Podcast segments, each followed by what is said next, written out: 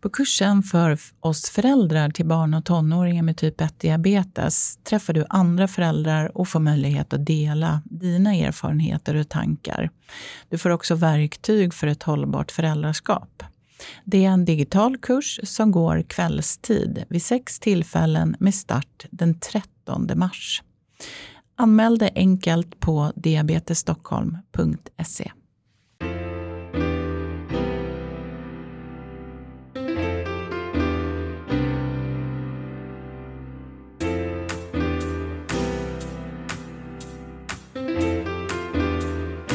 Välkommen tillbaka Petra, nu är vi här igen.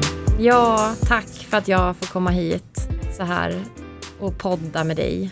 Det är en, en lycka och en ynnest. Ja, samma, lika tänker jag. Och välkomna alla lyssnare. Så roligt att ni fortsätter att följa podden. Mm.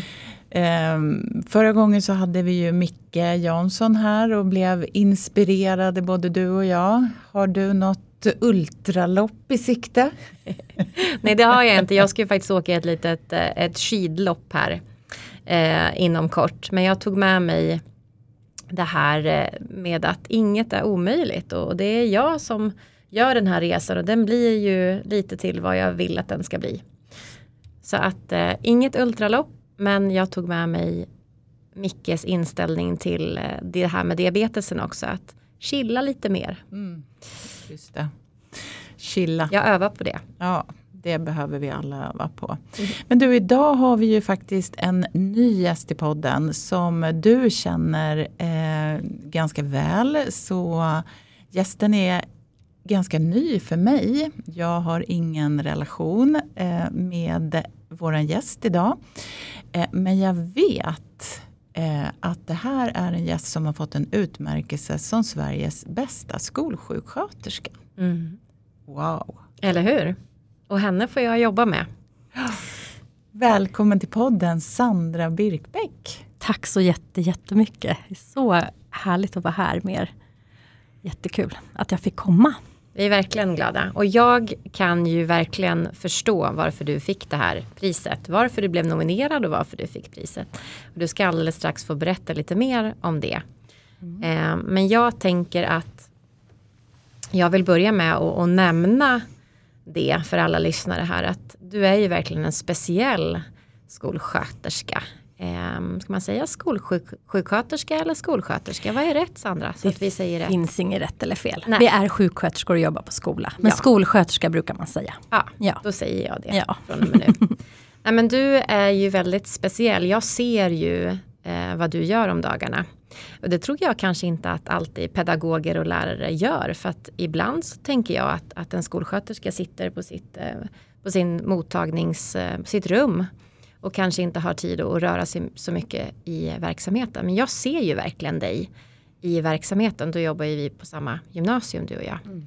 Så jag eh, har många gånger vittnat om hur otroligt fin relation du har med våra elever. Oj, och med personalen.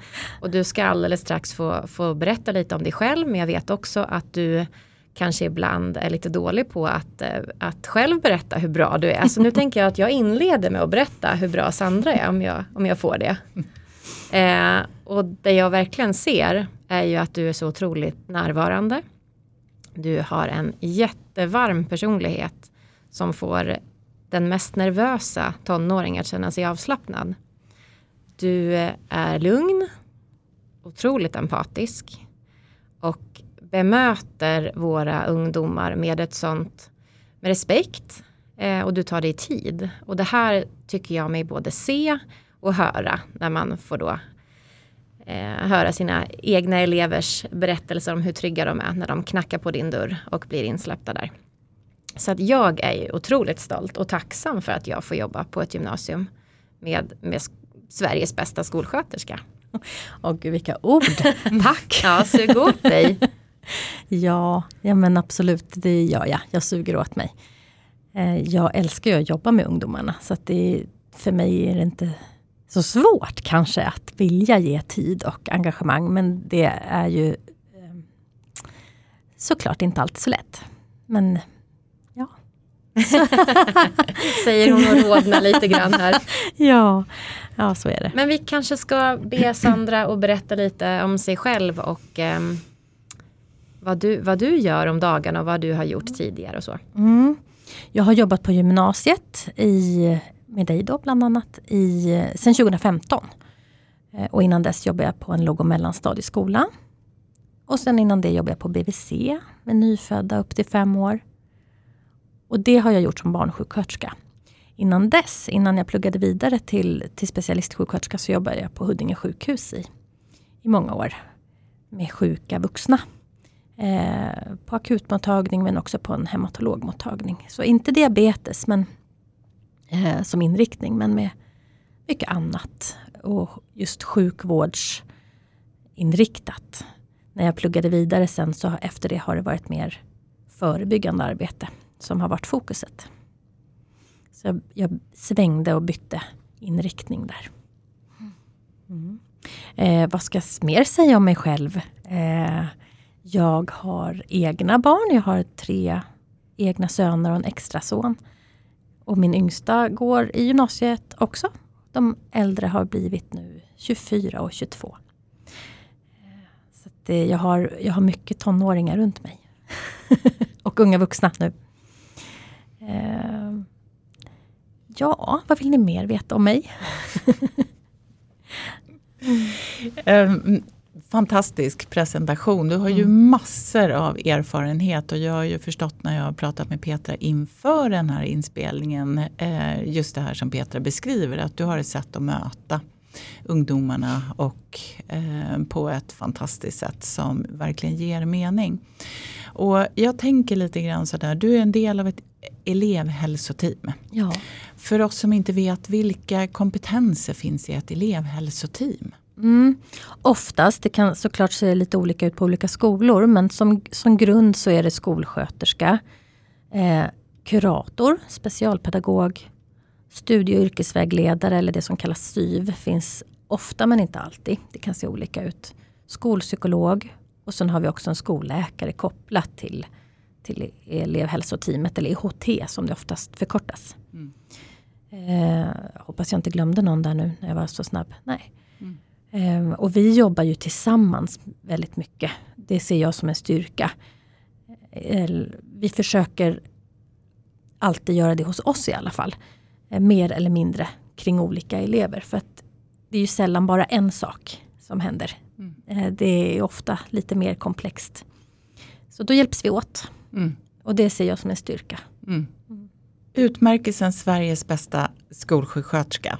Berätta Sandra, vad var det som gjorde, och grattis! Tack så mycket! ja. Berätta, vad, vad är det som gör att du får den här äh, fina utmärkelsen?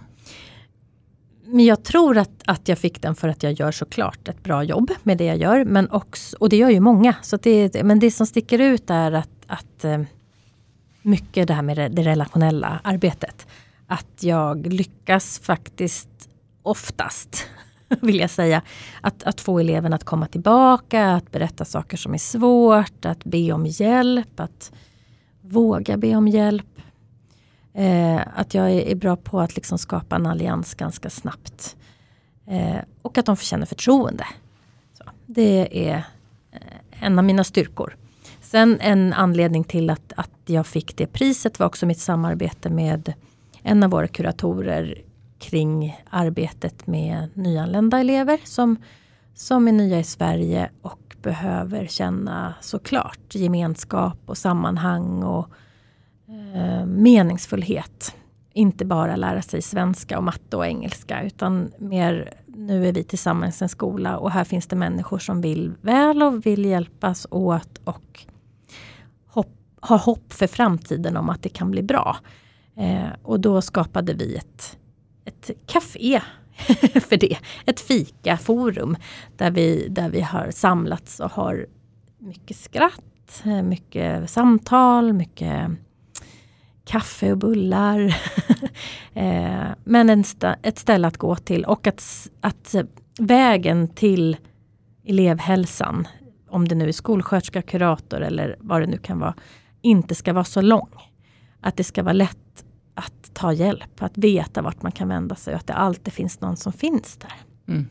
Eh, kanske inte den minuten men att då finns jag snart där. Och att de ska känna det. Mm. Så Det var det som gjorde att jag fick det priset. Mm. Mm. Jätteärofyllt.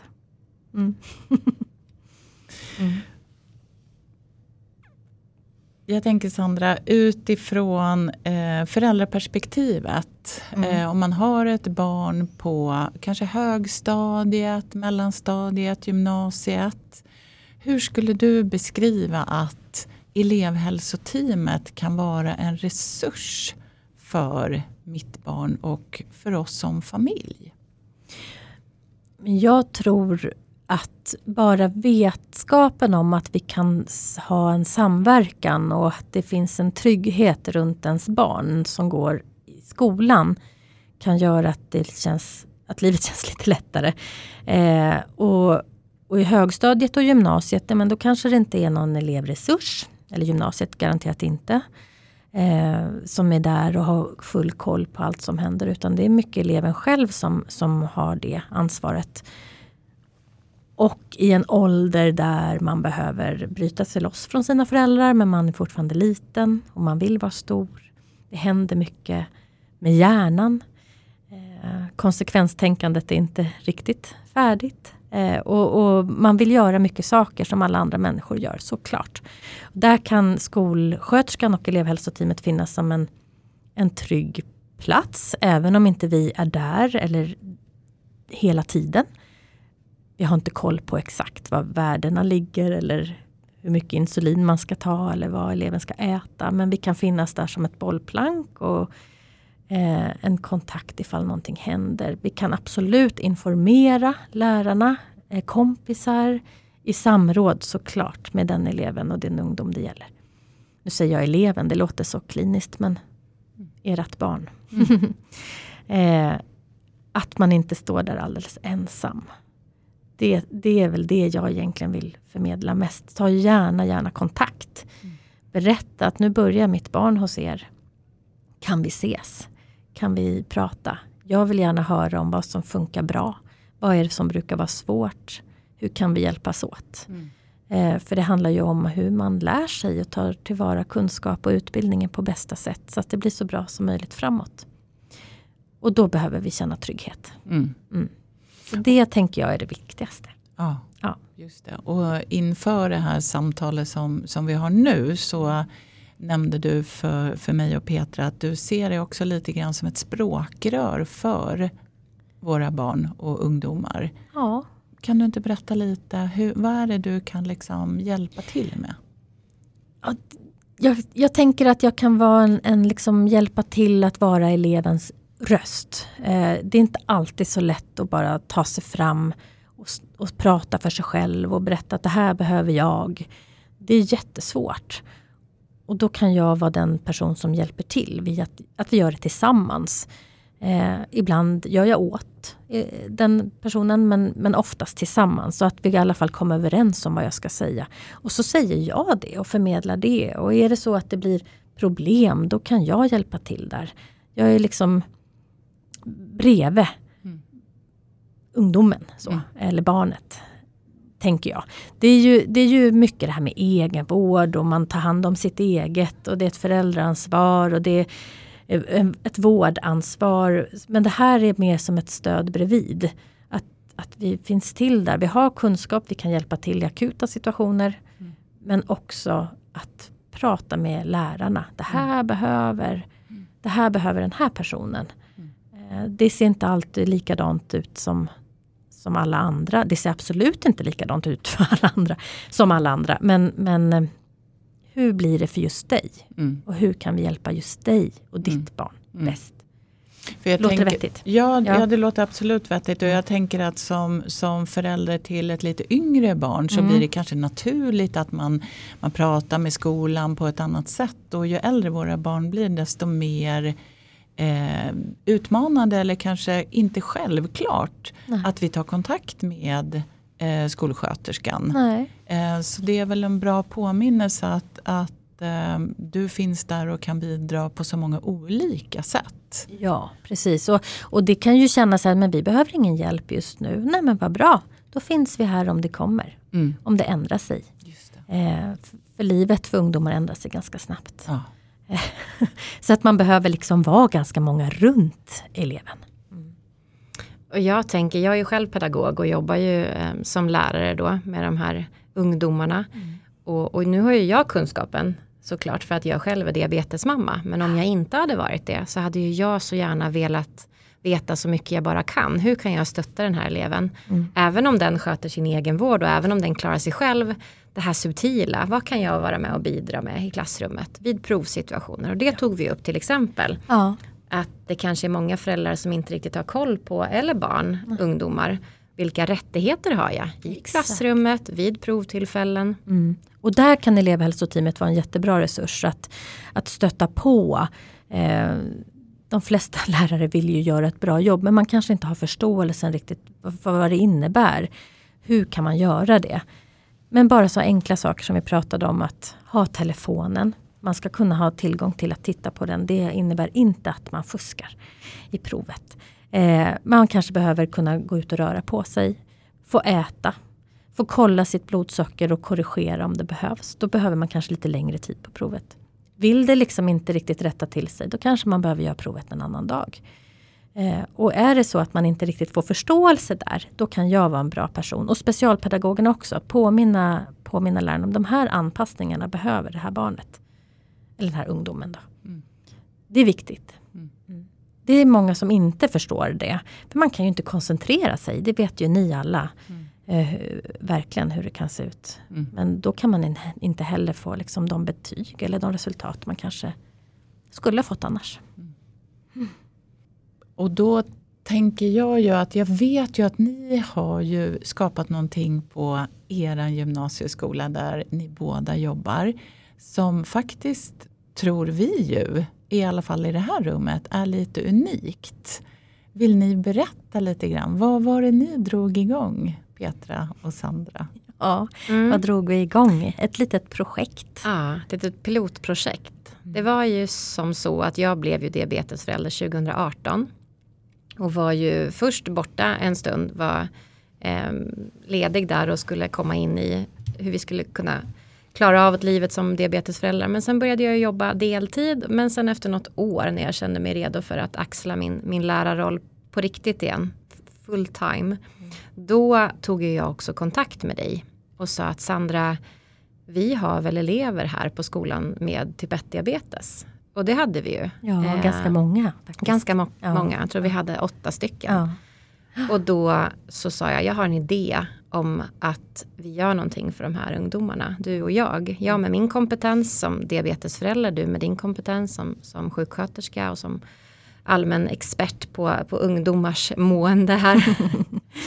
och sen tänkte vi att vi kör en, en liten, vi sätter ihop en grupp med de här, vi bjuder in de här ungdomarna till en liten diabetesgrupp. Mm. Och det gjorde vi. Ah, Mm. Det var då- ju jättebra det var ju- faktiskt också. blev hur bra som helst. Och vår tanke var då att vi skulle bjuda in, bjuda på lite fika, lite frukt och bara erbjuda de här ungdomarna ett, ett sammanhang, ett, ett forum där de kunde få, ehm, få ses och utbyta erfarenheter och tips och idéer eller, eller bara sitta tysta och Mm, känna att Mm. jag behöver inte säga någonting, men i det här rummet, här förstår alla mig Mm.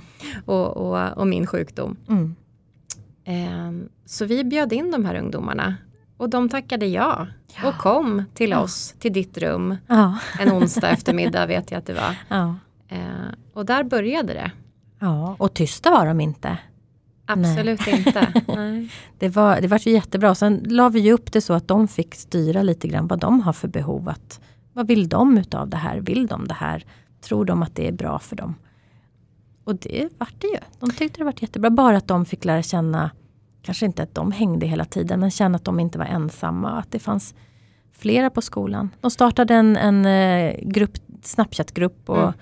kunde ha lite kontakt sen. Mm. Eh, Det vi blev lite överraskade eh, över, det var ju att de inte hade en aning om varandra. Exakt. De trodde att de var den enda typ 1 diabetikern Ja. på, Östra gymnasiet. Ja. Och det var de ju inte. Och bara den vetskapen om att vänta, det finns Mm. sju andra här på skolan. Och det har ju de berättat att vilken, vilken grej det var. Vad härligt det var att, att få bli en del av den här gemenskapen. Mm. Och del två, som du, eller gång, omgång två, när, när vi fick lite kvitto på att gud vad skönt, bara, bara att det ledde till det. Att de kunde skriva till varandra att oj, jag har glömt extra, jag har det här, jag har stickor, jag Mm. hämtar i skåpet. Mm. Det var ju guld värt. Mm. Så vart det inget mer av det så var det där tillräckligt bra. Ja, ja, då var, hade vi vunnit redan. Ja. Ja, men vi frågade också om vi, vi hade lite tanke om att de skulle få styra eh, teman, att vi skulle ha någon form av tema för varje träff. Mm. Men vi gav ju som förslag på att de skulle få prata lite om alkohol och fest. Oavsett om man, man själv var en, en festande person eller om man drack alkohol så skulle vi prata om hur funkar det när man, när man går på fest. Och utan att döma, för det är inte så himla lätt att prata kanske hemma om det. Eh, man vet att man inte får. Man vet att det är dumt. men men att, att vi säger, okej, om det händer, vad gör vi då? Hur tänker ni då? Hur kan folk runt omkring? Så att man inte känner att, okej men det kan inte jag säga att jag har provat för det vet jag ju att jag inte får.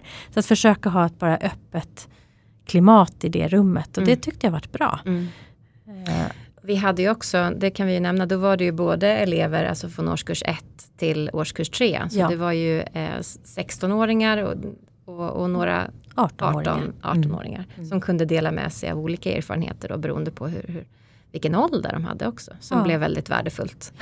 De lite yngre hade, fick många insikter och sa, åh, ja det ska jag tänka på. Mm. Liksom. Men bara en sån sak så, okej, käka innan du går och lägger dig. Säg till någon annan att, att du har druckit, att det vart för mycket. Gå inte ensam. Ja, just det, Nej, men bra tips. Liksom.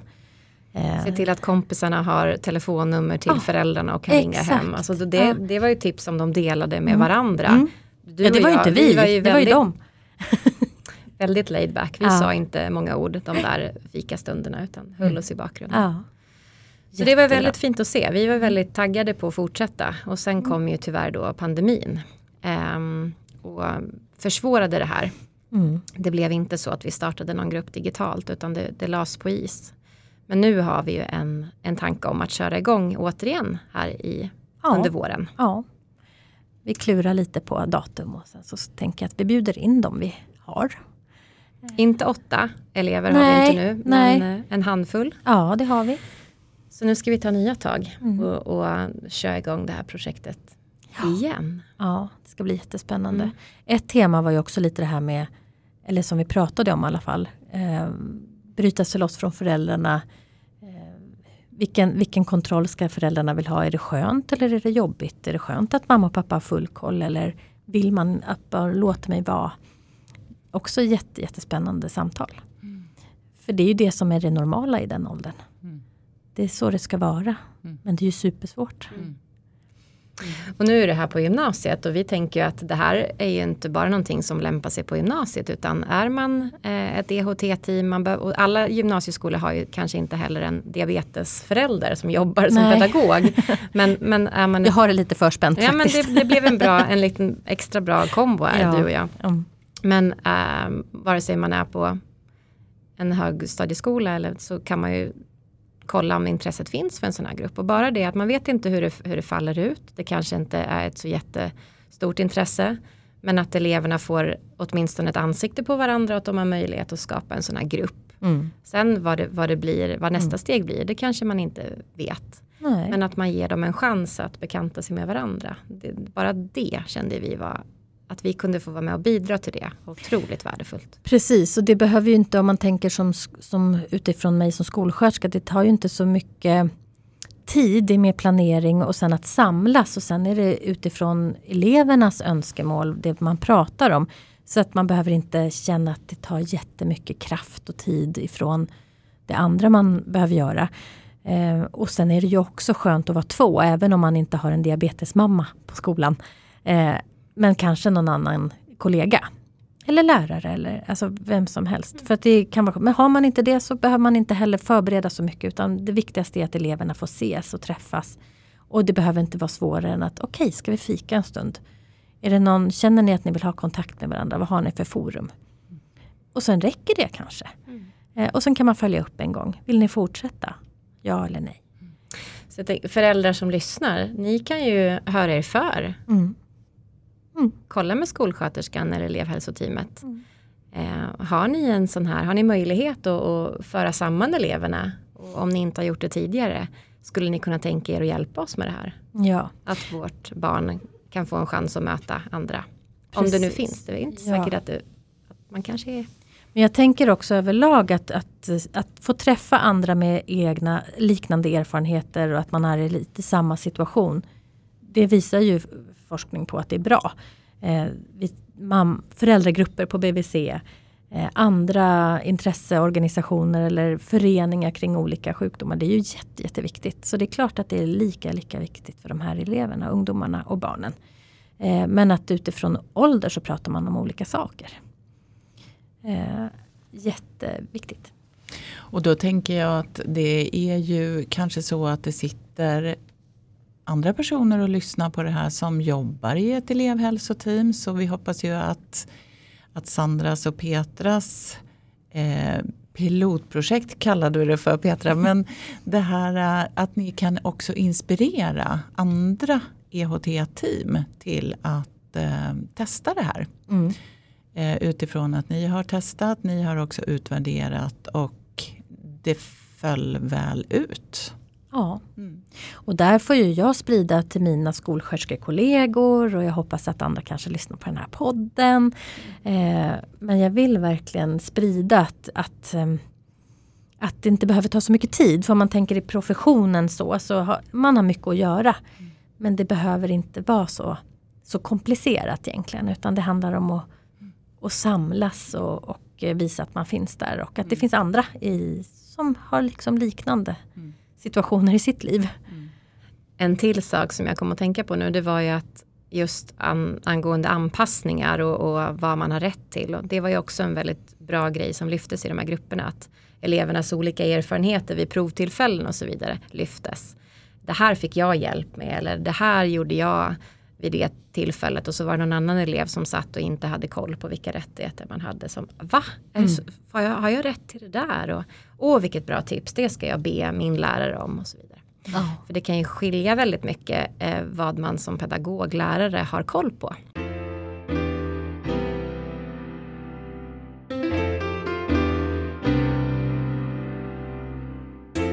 Så många olika saker Sandra som, som du verkligen uppmanar oss föräldrar att kontakta skolan och ta hjälp. Och det du beskriver är ju verkligen många olika perspektiv och att se EHT-teamet som en resurs.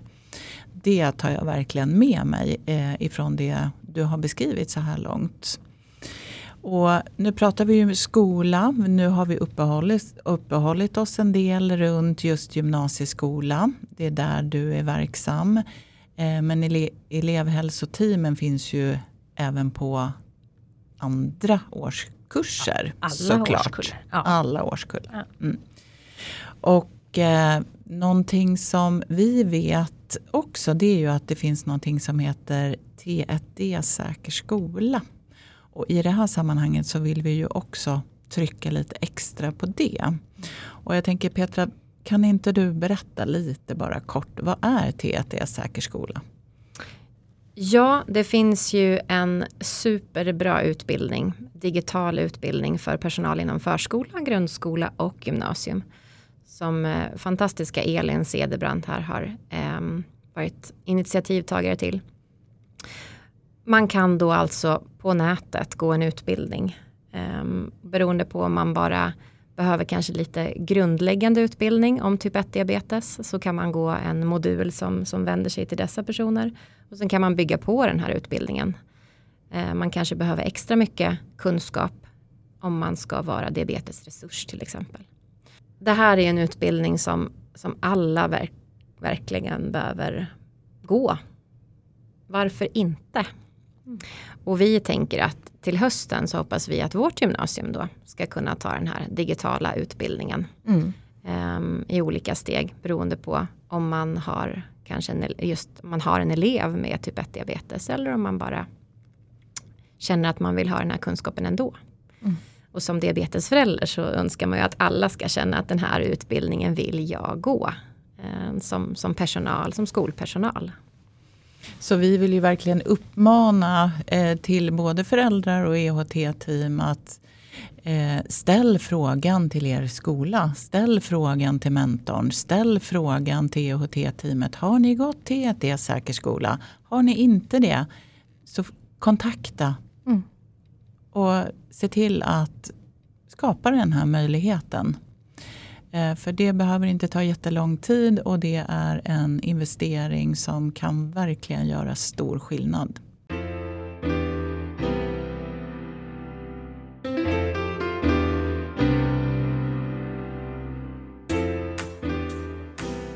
Vi börjar närma oss slutet här nu och eh, du har ju bjudit på så otroligt många bra infallsvinklar och perspektiv här. Hur vi föräldrar kan tänka när våra barn är iväg till skolan och vad elevhälsoteamet och du kan bidra med. Om du skulle sammanfatta dina topp tre, hur skulle de låta? Eh, att ni som föräldrar tar kontakt med mig som skolsköterska på skolan när ert barn börjar där. Så att vi kan ha en dialog om vad som funkar, vad som kan bli svårt och, att ert barn vet att jag vet. Sen kan vi prata vidare sen, men då har vi en kontakt från början. Eh, uppmuntra gärna till att, att berätta för kompisar att ert barn inte blir alldeles ensamt. Det kan ibland vara svårt att sticka ut. Eh, man vill vara som alla andra. Men med hjälp kanske, berätta för kompisar. Det kan vara en trygghet och ett stöd. Och sen samverkan. Att vi, jag kan som skolsköterska kan hjälpa till när det händer saker men jag har ju inte alla svar. Men det viktigaste är att, att vi kan göra det tillsammans. Händer det någonting eller något som inte funkar, att ni hör av er eller ert barn hör av sig till mig. Så klurar vi tillsammans. Ett, ett barn med diabetes är inte likt ett annat barn med diabetes. Så då behöver vi vara lite flexibla och försöka se möjligheter och, och lösningar på saker och ting. Bra topp tre tycker jag. Eh, och jag har tänkt nu på en sak här när vi har suttit och pratat. Jag som, som pedagog har ju upplevt några gånger att elever inte har varit bekväma med att berätta att de har typ 1 diabetes.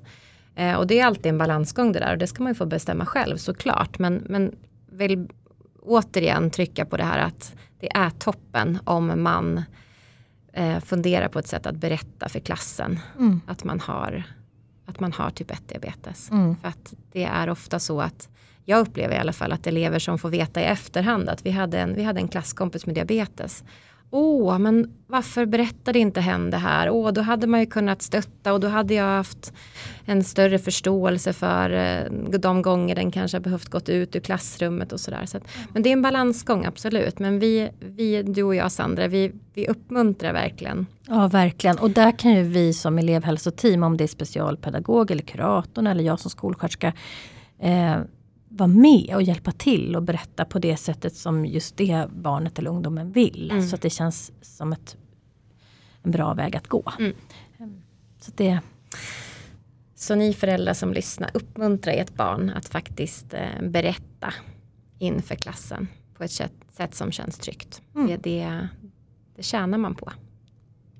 Som vanligt så går ju tiden fort när man har roligt och vi har ju alltid roligt när vi spelar in våra poddar, tycker jag. Eller vad tycker du Liselott? Det har vi. Ja. Det har vi. Sandra, vi är så glada att du ville komma hit idag eh, och dela med dig av din klokskap. Och som, som tack för att du är här idag så vill gärna Diabetes Stockholm sätta in pengar i ditt namn till Barndiabetesfonden. Oj vad fint. Ja. Tack så, så det, mycket själv. Det är väl Diabetes Stockholm och vi eh, ger dig. Eh, jätteglad är jag och jätteglad vet jag att du är Liselott. För att vi fick ha Sveriges bästa skolsköterska här i poddstudion. Ja, men tack så jättemycket själva. Ja, verkligen Sandra. Stort tack för att du har varit här och bidragit med dina erfarenheter. För jag tänker verkligen att du har tryckt på saker som som eh, kan liksom upplevas som kanske självklara men jag tror inte att det är det för oss alla. Så tack för att du har bidragit med det på ett väldigt liksom lättillgängligt sätt om jag får uttrycka mig så. Tack. Med det så säger vi väl tack och hej för idag. Det gör vi. På tack. återhörande. På återhörande. Hej! Hej då! Den här podden ges ut av Diabetes Stockholm. Vill ni komma i kontakt med oss så går det bra att mejla till info diabetesstockholm.se och missa inte att gå in på hemsidan diabetesstockholm.se. Där hittar ni en massa bra information, bland annat om många intressanta kurser, både digitala och fysiska.